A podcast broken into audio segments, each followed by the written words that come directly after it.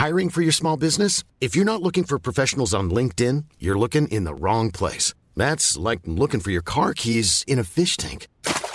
LinkedIn helps you hire professionals you can't find anywhere else, even those who aren't actively searching for a new job but might be open to the perfect role. In a given month, over 70% of LinkedIn users don't even visit other leading job sites. So start looking in the right place. With LinkedIn, you can hire professionals like a professional. Post your free job on linkedin.com slash people today. Hey, it's Ryan Reynolds, and I'm here with Keith, co-star of my upcoming film, If, only in theaters May 17th. Do you want to tell people the big news? All right, I'll do it. Sign up now and you'll get unlimited for $15 a month in six months of Paramount Plus Essential Plan on us. Mintmobile.com slash switch. Upfront payment of $45 equivalent to $15 per month. Unlimited over 40 gigabytes per month. Face lower speeds. Videos at 480p. Active Mint customers by 531.24 get six months of Paramount Plus Essential Plan. Auto renews after six months. Offer ends May 31st, 2024. Separate Paramount Plus registration required. Terms and conditions apply if rated PG. Burrow's furniture is built for the way you live. From ensuring easy assembly and disassembly to honoring highly requested new colors for their award-winning seating, they always have their customers in mind. Their modular seating is made out of durable materials to last and grow with you. And with Burrow, you always get fast, free shipping. Get up to 60% off during Burrow's Memorial Day sale at burrow.com slash ACAST. That's burrow.com slash ACAST. burrow.com slash ACAST. There is no alternative. Ja, så har det varit en tid för många investerare som valt aktier som primärt tillgångslag. Men med det nya ränteläget kan det vara dags att kika på andra sätt att få pengarna att växa. Idag blir det snack om räntefonder, obligationer, sparkonto och amortering i Smarta Cash, podden som peppar till en bättre ekonomi och rikare framtid med mig, Isabella Amadi.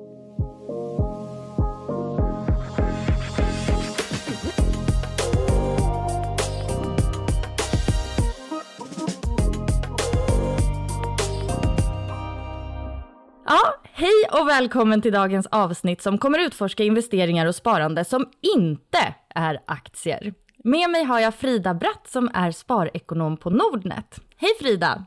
Hej Isabella! Hej, vad fint att ha dig med! Jättekul att vara här igen. Supertrevligt. Igen. Mm. Ja, eh, det har ju snackats friskt om eh, aktier och aktiefonder i den här podden, men det finns ju faktiskt andra sätt att investera och spara och det ska vi prata om idag. Eh, jag tänker att vi tar avstamp i det här begreppet TINA som är en förkortning av There is no alternative.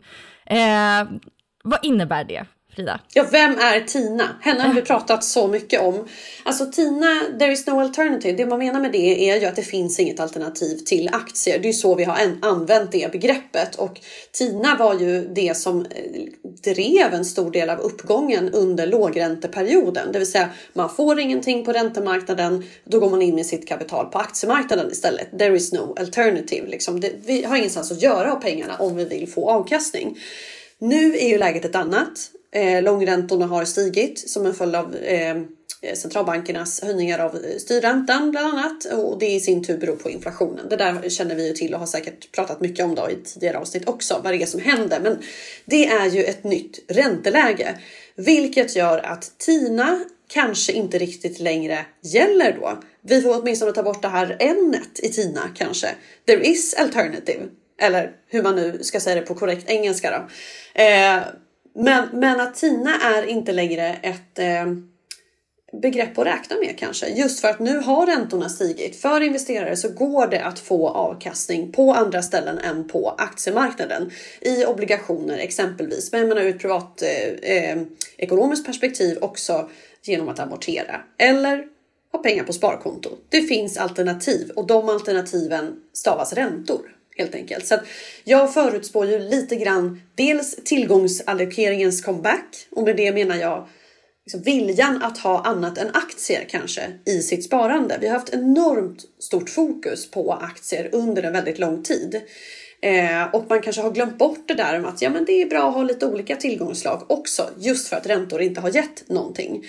Eh, men sen så tror jag också att räntebärande. Det kommer att komma ett ökat intresse för det. Vi ser liksom ingen rusning än, men jag gissar att vi kommer att fortsätta prata mer om det. Mm. Eh, men hur, hur, måste, hur ska då läget förändras för att det verkligen ska bli TIA istället för TINA? Alltså räcker det med den här, de här liksom ränteförändringarna som har varit nu eller hur mycket, hur, liksom, vad är tecknen man ska hålla utkik efter?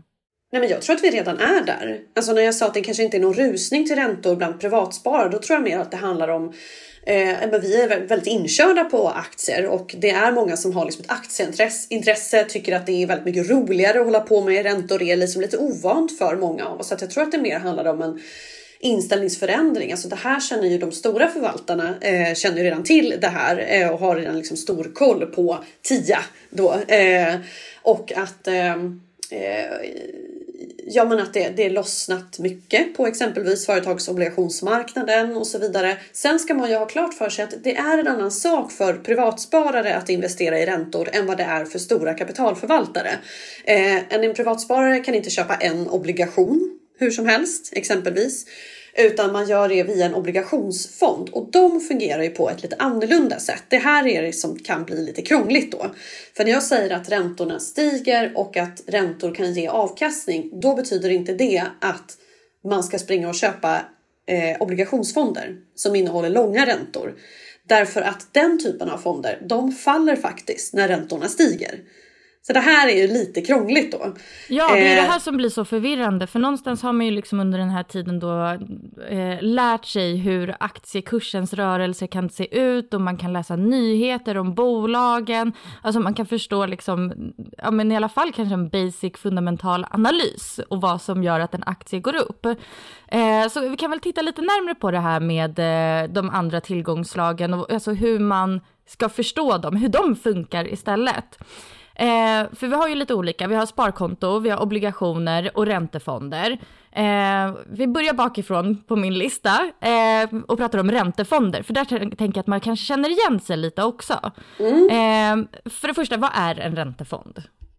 Ja, men räntefonder är ju en fond där förvaltaren investerar i olika räntebärande tillgångslag eh, och det finns ju så här. En räntefond kan vara ganska många saker. Vi har ju flera olika typer av räntefonder. Vi har korta räntefonder. Vi har långa räntefonder som också kallas obligationsfonder och sen har vi företagsobligationsfonder och allt det här brukar ibland lite slarvigt då eh, kallas för räntefonder.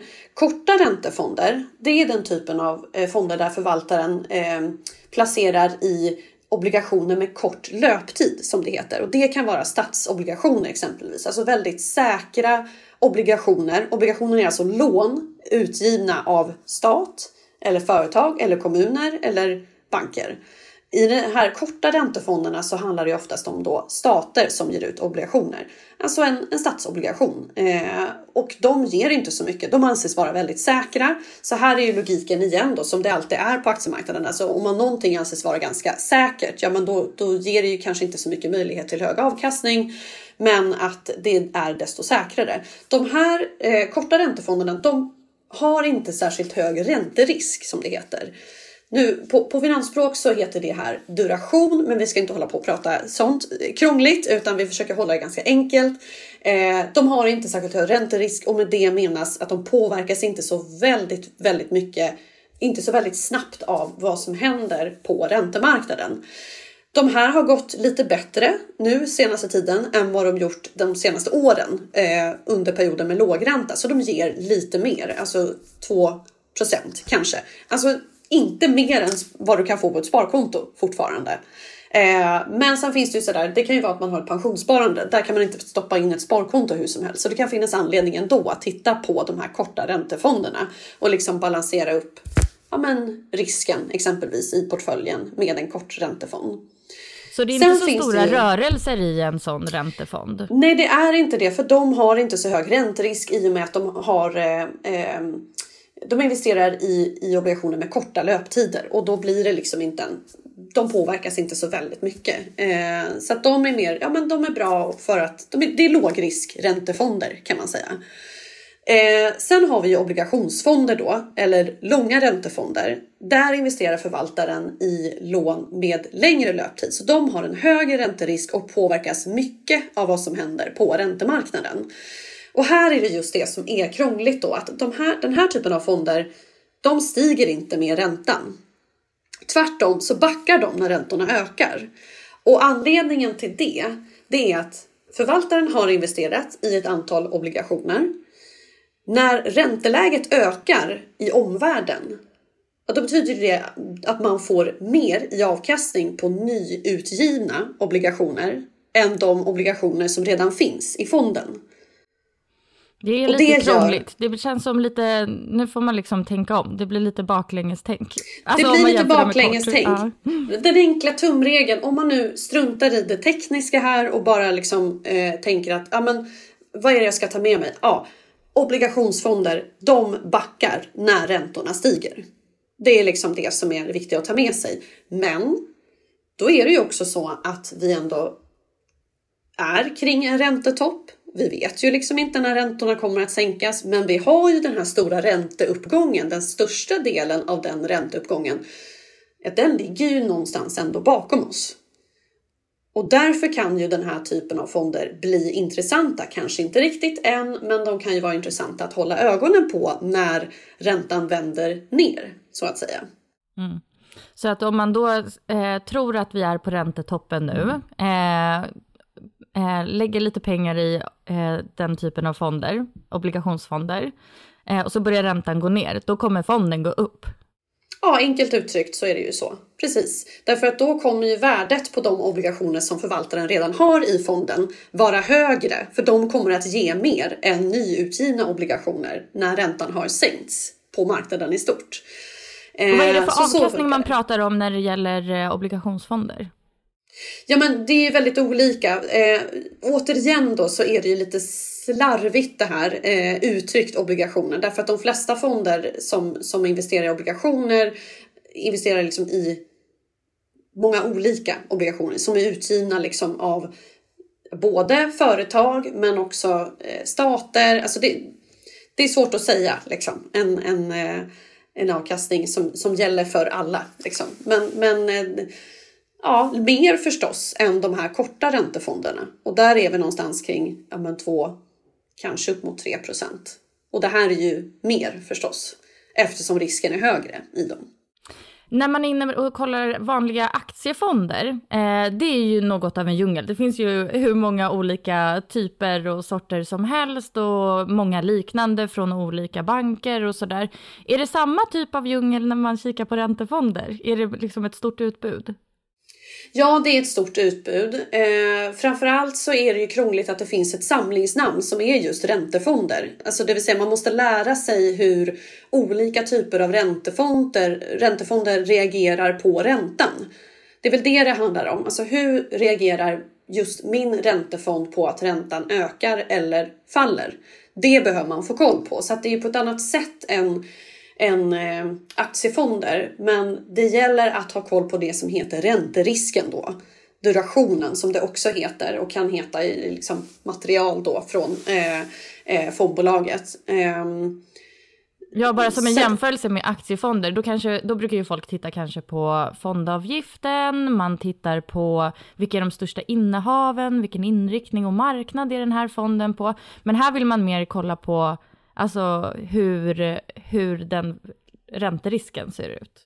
Ja, precis. Hur, och det betyder alltså hur fonden eh, reagerar när räntan eh, rör sig. Och man bör titta också på om det, fonden heter liksom obligationsfond. Ja, vad är det för typ av obligationer förstås? Är det företagsobligationer? Är det eh, statsobligationer? Är det kommunobligationer? Bostadsobligationer? Det kan ju vara en ganska stor blandning vilket gör att risken blir eh, väldigt annorlunda. För att jag tycker också att vi ska gå igenom vad företagsobligationsfonder är. För det är liksom också en egen liten historia i det här som ytterligare är viktigt att hålla koll på. Därför att många förvaltare blandar ju de här som sagt. Eh, och företagsobligationer, är det mycket företagsobligationer i en fond, då gäller det att vara medveten om hur de reagerar med ränteläget och vad som också påverkar dem. Och då finns det ju en kreditrisk att ta hänsyn till i företagsobligationsfonder. Eh, företagsobligationsfonder kan ju ge mer för att man lånar ut pengar eh, ja, enkelt uttryckt till företag eh, och där tar man liksom en bolagsspecifik risk ju när man gör det. Eh, och eh, i takt då så får man ju eh, lite ränta. Man får högre ränta om det är en större risk att investera i det här bolaget. Eh, men det tillkommer ju liksom en kreditrisk och det är ju risken för att eh, företaget inte kan betala sina lån och räntor. Eh, sen hur hög den risken är, ja det beror ju på vad det är för företagsobligation, vad det är för företag helt enkelt.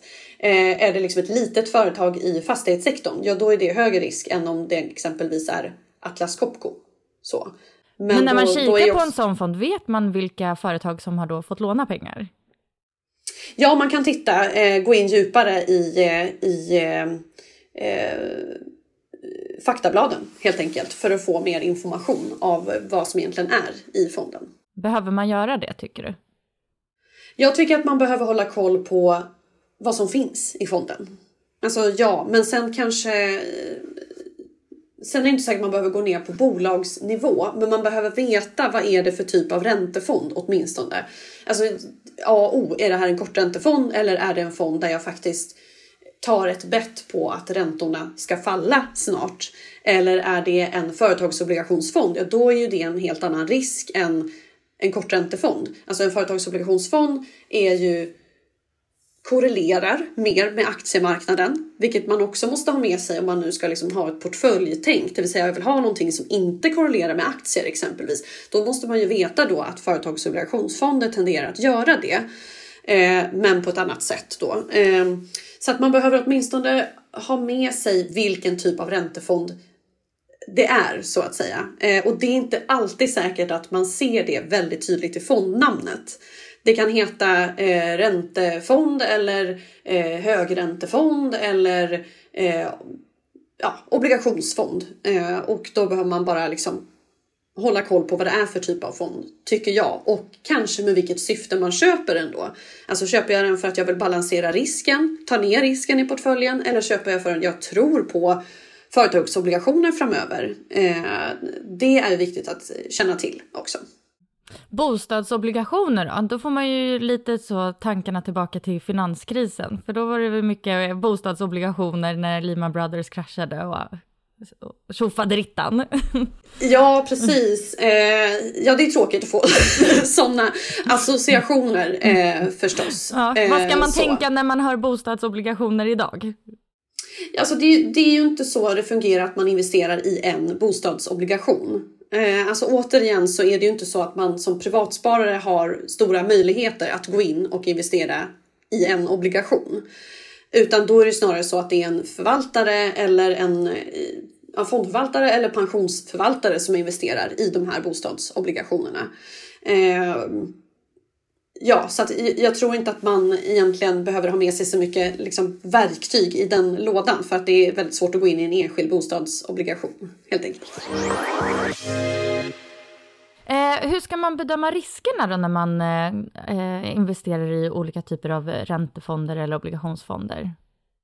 Ja, dels så behöver man ha koll på den ränterisken, den har vi varit inne på. Eh, man behöver ha koll på att det finns en kreditrisk i företagsobligationsfonder och att den eh, är högre för vissa typer av obligationsfonder. Eh, vi har inom företagsobligationsfonder två grupper kan man säga av fonder och då är det det som kallas för high yield. Det är högrisk. Eh, högrisk företagsobligationsfonder. Det var ett långt ord.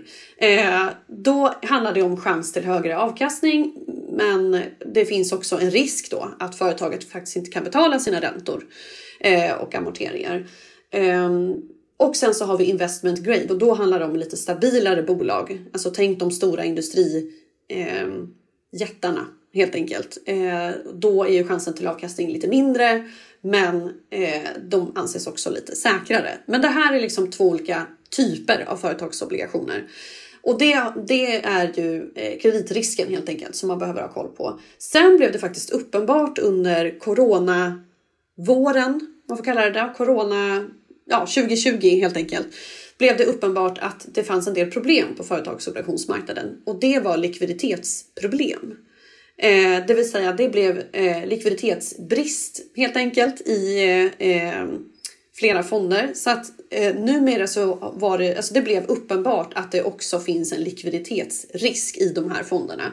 Och den eh, speglades inte i det riskbetyg som flera av de här fonderna får. När man tittar i fondfaktablad på, eh, på en fond så kan man ju se eh, ett risk, en riskskala kan man väl säga. Och den här likviditetsrisken den reflekterades inte i det här betyget för att det betyget tog inte hänsyn till likviditeten på marknaden kan man säga. Eh, utan eh, då fick man lite så fel, fel fingervisning som ja, sparare. Ja, lite så. Ja. Alltså det här riskbetyget är mer anpassat kan man säga till aktiemarknaden och inte så väl anpassat till företagsobligationsmarknaden. Okej, okay, så det är eh, samma skala som man ser när man köper då Ja, det är liksom en riskskala. Ja, ja precis. Och, och om det då är så att eh, väldigt lite omsätts på en marknad eh, så speglar ju liksom inte det om ingenting omsätts, ja då speglar det ju inte läget på den marknaden utan eh, ja, det blev liksom en ganska stor diskussion kring det där. Nu finns det faktiskt eh, ett sånt betyg som jag tror, om jag inte minns fel, heter spread exponering.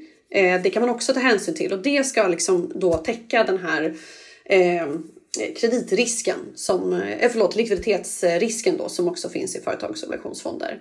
Så att det finns ju liksom ett gäng sådana här risker att hålla lite koll på. Eh, och de, det är ju eh, mer påkallat att hålla koll på dem ju högre, liksom, eh, ju längre ut på den här riskskalan fonden har. Och då pratar vi ju företagsobligationsfonder och vissa obligationsfonder då framför allt. Medan korta räntefonder, de är lite mer vad de är så att säga.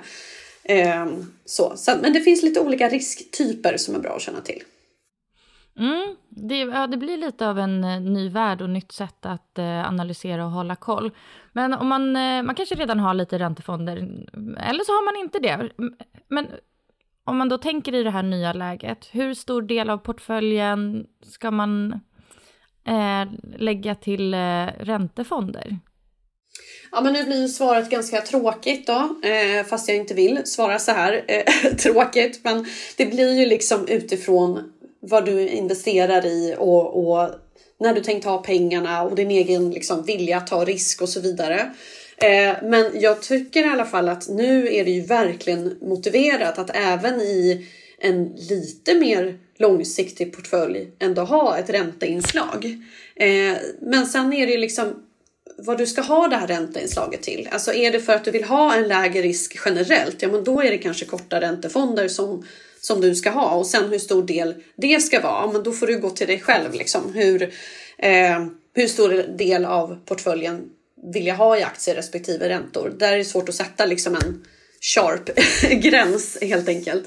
Men om man har eh, men... här lång, verkligen så här långtidsspar, jag vet inte vad jag sparar till, det här är bara för framtiden, allmän buffert om 10 eller 20 år. Eh, hur, hur kan man tänka då? Nej men då tycker jag att det är motiverat kanske då att börja titta på åtminstone företagsobligationsfonder och vissa obligationsfonder beroende på vad räntorna tar vägen just nu. Men sen, eh, eh, jag vill inte komma med pekpinne och säga så här mycket ska du ha utan eh, det kan vara motiverat utifrån ett riskperspektiv att ha en del räntor, det vill säga vissa företagsobligationsfonder kan ju ge rätt bra nu till lägre risk än aktiemarknaden. Alltså om vi tänker oss liksom en eh, om du investerar i en aktie eh, hos ett stort svenskt exportbolag, då är det ändå ett risktagande du gör i och med att du, det tillkommer ju liksom en börsrisk när du investerar på börsen, en allmän risk att liksom börshumöret eh, eh, går neråt väldigt skarpt. Jämfört med om du då investerar i företagets obligation där du ändå får en, en liksom eh, eh det, det, det, är ganska låg risk att liksom ett stort svenskt exportbolag ställer in betalningarna så att säga. Eh, och då är det ju motiverat kanske eftersom risktagandet blir lägre men du får ändå en avkastning kring, ja men säg att det kanske är 4% 5% Det är lite olika beroende på vilket företag som ger ut de här eh, förstås. Och beroende på vilken fond det är. Eh, om man är då investment grade så kanske det är 4 förräntningen är 4 i en sån eh, fond. Men det är, liksom, det är ett lägre risktagande som nu ger en ganska bra avkastning och då är det ju motiverat även ur ett längre perspektiv, det vill säga ett avkastningsperspektiv, att ha en del där. Eh, Men sen har man sina egna anledningar till att liksom kanske ha mer aktier eller ha mer eh, obligationer. Men det, poängen är väl att nu är det ju lite allokeringens comeback som jag var inne på tidigare. Att liksom det, det kanske finns en poäng här nu med att ha olika tillgångar. Eh, och liksom räntor är inte längre helt ute. Mm. Nej, det kanske till och med blir lite sexigt, vem vet? Eh, vem vet?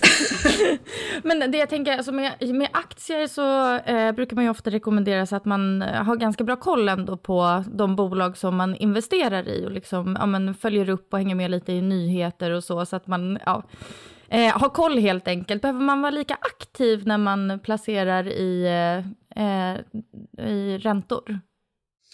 Alltså, I och med att det för privatsparare fortfarande är svårt att investera direkt i en obligation eh, så, så blir det ju oftast, för de allra flesta, så blir det att du får gå via fonder för att få exponeringen. Eh, och i och med att du går via fonder så blir det ju inte riktigt på samma sätt som när du investerar i enskilda aktier utan då, då är det ju trots allt ändå en förvaltare som investerar i ett visst antal utvalda eh, obligationer. Eh, utan det som du behöver ha koll på det är liksom det här. Vad är ränterisken och vilken typ av företagsobligationsfonder? Är det high yield eller investment grade eh, som finns i den här företagsobligationsfonden? Alltså du behöver ha koll på dels hur rör den sig med räntan och eh, vad är kreditrisken framför allt då.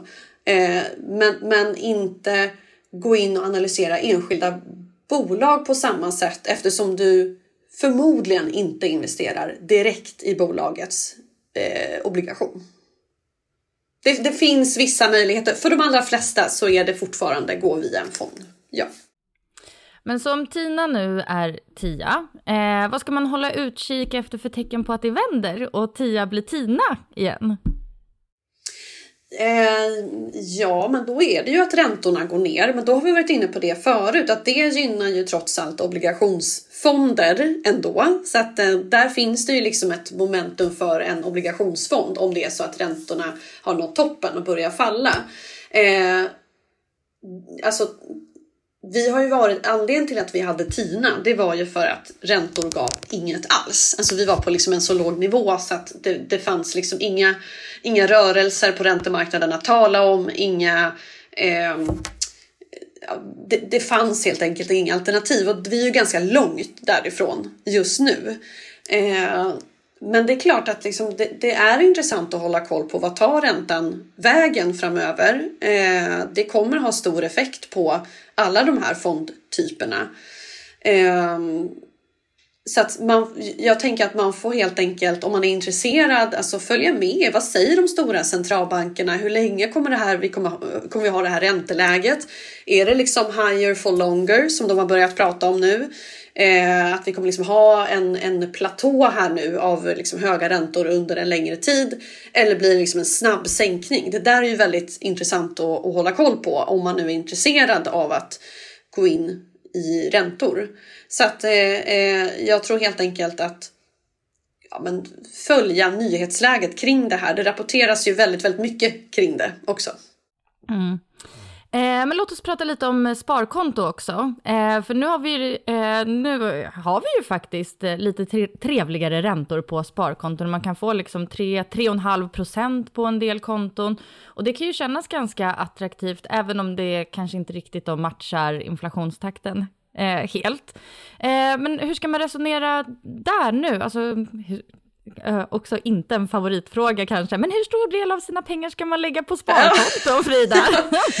Precis, den här, det här generella magiska ja. svaret som ja. går att applicera på allas ekonomi. Nej, det är svårt att ge ett sånt faktiskt. Eh, nej, men jag tycker väl egentligen att det fortfarande det här mantrat gäller, att det fortfarande är buffertpengarna som är liksom ska vara på sparkonto. Alltså fortfarande så är det så att 3-3,5 procent, alltså på lång sikt så får du ju förhoppningsvis ändå mer på aktiemarknaden eller om du investerar i liksom eventuellt då eh, en typ av obligationer med lite högre ränterisk. Eh, så att jag tycker fortfarande att sparkonto används bäst till bufferten. Men det är klart att det gör ju ändå att man behöver ställa sig frågan, hur lång sikt eh, sparar jag på egentligen? Alltså är det, är det liksom över fem år, men då tycker jag att det är givet att det inte är sparkonto. Men liksom är det tre år, ja men då är det ju rätt bra liksom. Eh, just nu. Det är ju noll risk, alltså det är ju helt riskfritt så länge det finns insättningsgaranti. Mm. Eh, man kan ju låsa in pengarna också och få lite högre ränta. Ja precis och där har jag tidigare varit så här, vad är poängen med det? Alltså sparkontot är för bufferten eh, och då ska ju den vara lättillgänglig. Men nu är det ett litet annat läge där det kanske är så här, ja men om du vet att du ska ha pengarna om tre år, ja men det är inte så himla dumt kanske att ha, att ha pengar på den typen av sparkonto för det ger ganska mycket eh, per år ju. Eh, så att där får man resonera lite eh, kring när man behöver pengarna. Fortfarande tycker jag att långsiktiga pengar är ändå inte riktigt eh, mår inte riktigt bra ändå, eh, trots att räntorna har stigit lite grann på sparkonto. Men det kanske är kortsiktiga och kanske lite sådär, eh, ja, du ska ha pengarna om liksom ett antal år. Ja, då är det ju inte så himla dumt faktiskt just nu. Vad är viktigt att ha koll på då när man väljer sparkonto? Ja, men dels tänkte jag säga det här med insättningsgaranti, eh, men det har de allra flesta konton just nu. Det finns lite undantag där det finns begränsningar. Eh, om jag inte minns fel så är det så att man får erbjuda bättre ränta eh, om man bara tillåter insättningar upp till 50 000 kronor. Eh, man ska ha insättningsgaranti, annars är det inte riskfritt och det är det som är hela poängen här. Att du kan få liksom en, en avkastning utan att ta någon risk och det blir bara om du har insättningsgaranti. Eh, så att egentligen så är det ju det att hålla koll på. Jag får ibland frågan, men är det säkert att sätta in pengar liksom på ren, ja, något mindre institut och sådär? Och jag skulle säga att ja, finns det insättningsgaranti så är det det. Eh, och den täcker ju upp till nästan en miljon kronor. Så att eh, eh det, det, är egentligen inte en, en det är egentligen inte krångligare än så. Man kan ha liksom ett konto eh, hos något mindre institut och ha sin övriga ekonomi någon annanstans. Liksom. Det behöver inte vara storbankens eller ja, var man nu har sina pengar någonstans. Man kanske eh, inte ska vara rädd heller för att flytta runt sina pengar lite. Nej, det är det jag är inne på lite grann. Att det är inte så krångligt. Det är inte alls krångligt faktiskt. Utan här kan man ju faktiskt eh, vara lite, eh, ja men verkligen jämföra räntor och peng ha pengarna ganska rörliga faktiskt. Vissa brukar ju snacka om amortering som en sparform. Eh, vad talar för att eh, amortera istället för att investera? Ja, eh, det är verkligen så att amortering har ju liksom eh, eh, har ju seglat upp här som en sparform. Man har ju alltid sagt det att amortering är att spara pengar och det är det ju, men det har ju varit en väldigt ineffektiv sparform under väldigt många år. Och Fast det baseras är det ju att betala tillbaka sitt lån. Ja, det är det, men det går att tala om en typ av avkastning. Och om man talar om avkastning när det gäller amortering, då har det inte varit en effektiv sparform under de senaste åren. Därför att den avkastning man kan sägas få av amortering, det är den bolåneränta som du annars skulle ha betalat. Och jag menar, är det är din bolåneränta 1,3 procent, ja då är det liksom den avkastningen som du har fått under den här lågränteperioden på att amortera. Det är inte jättemycket ändå. Som du alltså slipper att betala? Precis, du slipper att betala den. Så att eh, 1,3 procent, nej men då har det ju inte varit så väldigt motiverat för många. Sen har vi ett amorteringskrav, absolut, så att man, man har och det är bra att betala tillbaka sina lån. Jag säger det också här för att det är klart att jag tycker det. Men om vi pratar ett avkastningsperspektiv så har det inte varit effektivt bara att amortera extra. Så kan man väl säga. Nu har vi bolåneräntor upp mot 4,755 procent. Då är ju det också avkastningen som kan liksom sägas motsvara eh, och sättas i relation till den avkastning som börsen kan ge. Och det är ju ganska bra. Alltså det är ju också till låg risk. Så att nu är ju liksom amortering en sparform verkligen att räkna med. Sen finns det ju liksom, man måste vara medveten om, man binder pengarna. Eh, ja, framförallt det kanske att så här, du har ju svårt att få tillgång till de här pengarna sen. De blir ju bundna i bostaden. Det passar inte alla.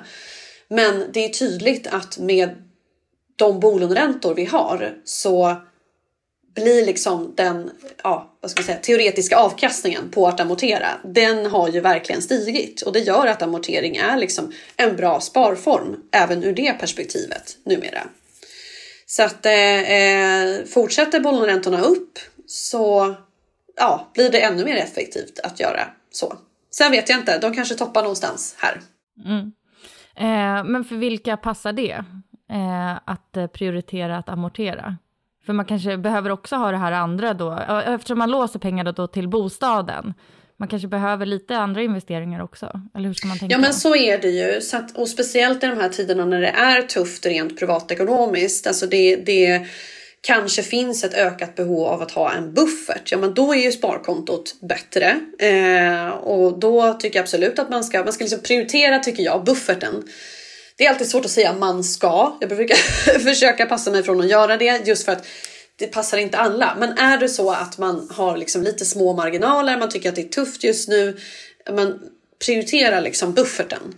Eh, men det kanske till och med den... är så att man lever på sin buffert för att det har varit. Så kan det ju absolut vara och det är ganska. Jag tror att det är så för ganska många, eller det har vi ju sett i statistik också. Så det verkar som att svenskarna har tagit av sin inlåning framför allt för att finansiera och upprätthålla sin konsumtion.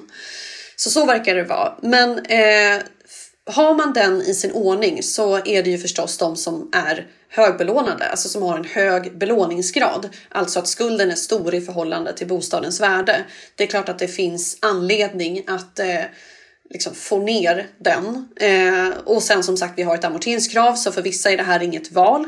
Men det kan ju vara så att man står inför ett val. Ja, man kanske inte man köpte sin bostad för länge sedan, man, man går inte under amorteringskravet eller man har en belåningsgrad som är lägre än 50 procent. Eh, då har ju jag tyckt tidigare i lågränteläget att det finns betydligt liksom, bättre ställen att göra av pengarna än att ta ner belåningsgraden ytterligare. Men det är inte riktigt så just nu. Så att eh, eh, det bästa är väl om man kan göra båda. Alltså fortsätta sitt månadssparande liksom i fonder. Men det är inte särskilt dumt att amortera. Det är lite comeback också för amorteringen. Mm. Tiderna har förändrats helt enkelt. Verkligen. Mm. Gud vad spännande. Tack så jättemycket Frida för att du var med och berättade om allt det här, faktiskt lite svåra och krångliga. Jag ska lyssna igen för att verkligen fatta tror jag. Tack. Tack själv. Eh, och dig ser man, jag ser ju dig i media hela tiden, du är ju bland annat med på Nyhetsmorgon ofta. Men var hittar man dig om man vill söka upp dig själv? Man hittar mig på nordnetbloggen.se exempelvis. Där bloggar jag ganska mycket om räntefonder på senare tid just för att jag får mycket frågor om det. Så att vill man läsa mer om de här olika eh, räntefonderna, olika grupper av räntefonder och vilka risker som man behöver ta hänsyn till så finns det faktiskt där. Eh, sen får man gärna följa mig på Instagram också. Eh, där finns jag, Frida Bratt med 3T tyvärr. eh, jag råkade på... ju tagga Frida Bratt en gång med två T. Det visade sig ja. vara någon ganska ung tjej som bara, alltså jag kan inget om ekonomi skrev hon till mig. Ja, bara, Oj, ja men precis. Och hon har blivit intaggad ett antal tillfällen. Tyvärr. Men så är det. Eh, och man kan, eh, får jättegärna följa mig på Twitter också. Frida Nordnet heter jag där. Underbart. Eh, och mig kan man också följa på Instagram, eh, Smarta Cash Podcast. Eh, tack till dig som har lyssnat på det här. Vi hörs igen nästa vecka. Hej då!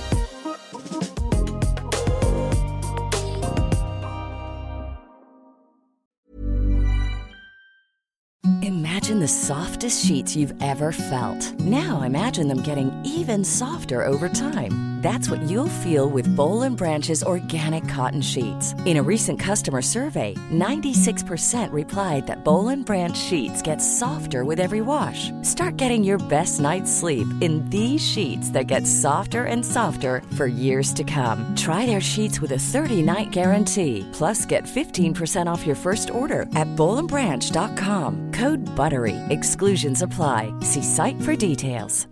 Even when we're on a budget, we still deserve nice things. Quince is a place to scoop up stunning high-end goods for 50 to 80% less than similar brands. They have buttery soft cashmere sweaters starting at $50, luxurious Italian leather bags, and so much more. Plus, Quince only works with factories that use safe, ethical, and responsible manufacturing.